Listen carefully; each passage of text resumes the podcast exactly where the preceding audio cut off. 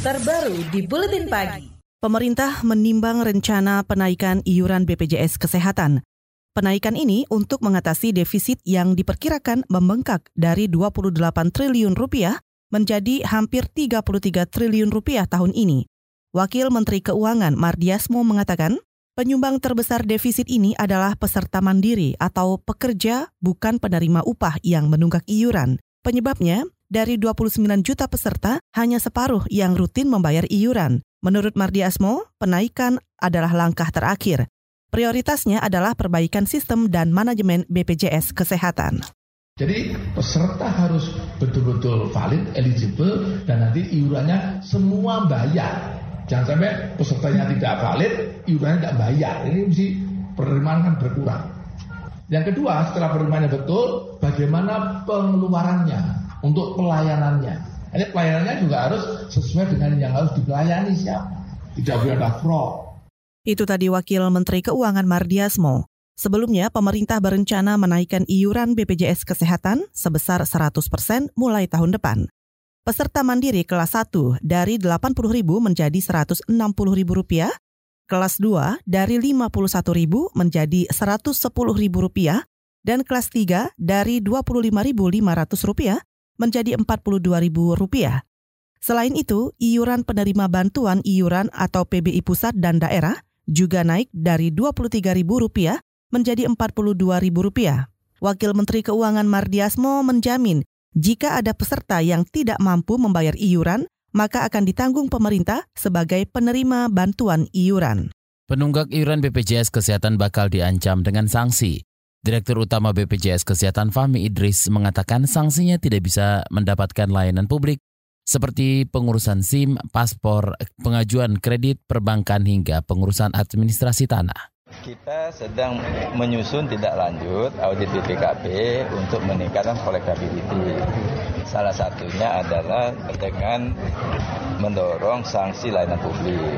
Untuk itu disusunlah impres karena yang menyelenggarakan sanksi layanan publik itu uh, bukan BPJS, badan-badan publik yang punya kewenangan itu. Itu sedang berproses. Direktur Utama BPJS Kesehatan Fahmi Idris menambahkan akan melakukan penagihan dengan cara menelpon peserta yang menunggak. Sementara itu, saudara, rencana kenaikan iuran BPJS Kesehatan kompak ditentang buruh dan pengusaha. Pengusaha keberatan dengan rencana kenaikan iuran peserta BPJS Kesehatan. Wakil Ketua Asosiasi Pengusaha Indonesia atau APindo, Suryadi Sasmita beralasan, Tambahan kenaikan itu akan makin membebani keuangan perusahaan, sebab usulan kenaikan juga menyasar peserta segmen pekerja penerima upah badan usaha yang semula 5% dari total upah dengan batas atas sebesar 8 juta rupiah diubah menjadi 12 juta rupiah.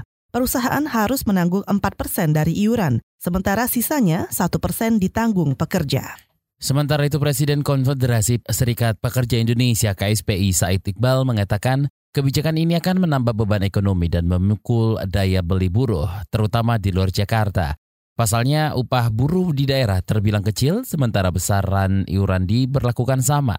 Kenaikan iuran juga bakal membebani masyarakat yang menjadi peserta mandiri, terutama kelas 3. Bagaimana yang orang tinggal di Seragen, Boyolali, Halmahera, Subang, Wamena sana yang 210 ribu dengan penghasilan mereka rata-rata 1 juta itu kan berat 21 persen dari pendapatan mereka berarti hilang. Misalkan yang paling mahal itu menyedot anggaran BPJS kan katastrofik untuk jantung, ginjal, cuci darah, kanker. Nah itu bisa cost sharing untuk orang kaya. Kita sebut aja yang penghasilan 20 juta ke atas. Dia harus cost sharing untuk penyakit katastrofik. Tapi orang yang middle low penghasilan 20 juta ke bawah bawah, termasuk orang miskin, dia tidak perlu co-sharing. Itu jauh lebih bijaksana. Presiden KSPI Said Iqbal berharap Presiden Jokowi membatalkan rencana penaikan iuran BPJS.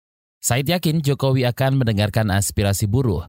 Ia berpegang pada pernyataan Jokowi yang bakal mengkaji ulang rencana penaikan saat bertemu dengan kelompok buruh di istana. Apabila kenaikan tetap diketok, maka KSPI akan menempuh proses hukum misalnya lewat gugatan warga negara ke pengadilan maupun uji material ke Mahkamah Agung. Selain itu mereka juga akan turun ke jalan menggelar aksi penolakan.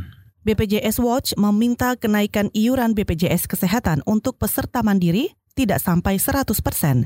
Koordinator Advokasi BPJS Kesehatan Timbul Siregar beralasan, jika lonjakan tajam pada besaran kenaikan iuran, bakal memperbanyak jumlah peserta yang menunggak. Timbul juga khawatir kenaikan iuran akan mendorong peserta kelas 1 dan 2 turun ke kelas 3 kenaikan itu menjadi sebuah kepastian harus dinaikkan. Tetapi untuk peserta mandiri ya naiknya itu jangan terlampau tinggi. Kalau sampai 100%, 80 ribu ke 160, dia kan bicara kali 5 orang, kali 4 orang, kali 3 orang, bukan kali satu orang aja kan gitu. Kelas 2, 51 ribu ke 110 ribu, naik kan kan hampir lebih dari 100%. Nah ini pun juga jangan terlampau tinggi. Koordinator Advokasi BPJS Kesehatan Timbul Siregar menyarankan iuran untuk peserta mandiri berada di kisaran 10 hingga 20 persen. Timbul juga mendukung rencana sanksi bagi penunggak Menurutnya, aturan sanksi sudah ada dalam peraturan pemerintah tentang tata cara sanksi jaminan sosial. Namun, aturan tersebut tidak kunjung ditegakkan karena belum ada koordinasi yang jelas antar instansi pemerintah. KBR, inspiratif, terpercaya.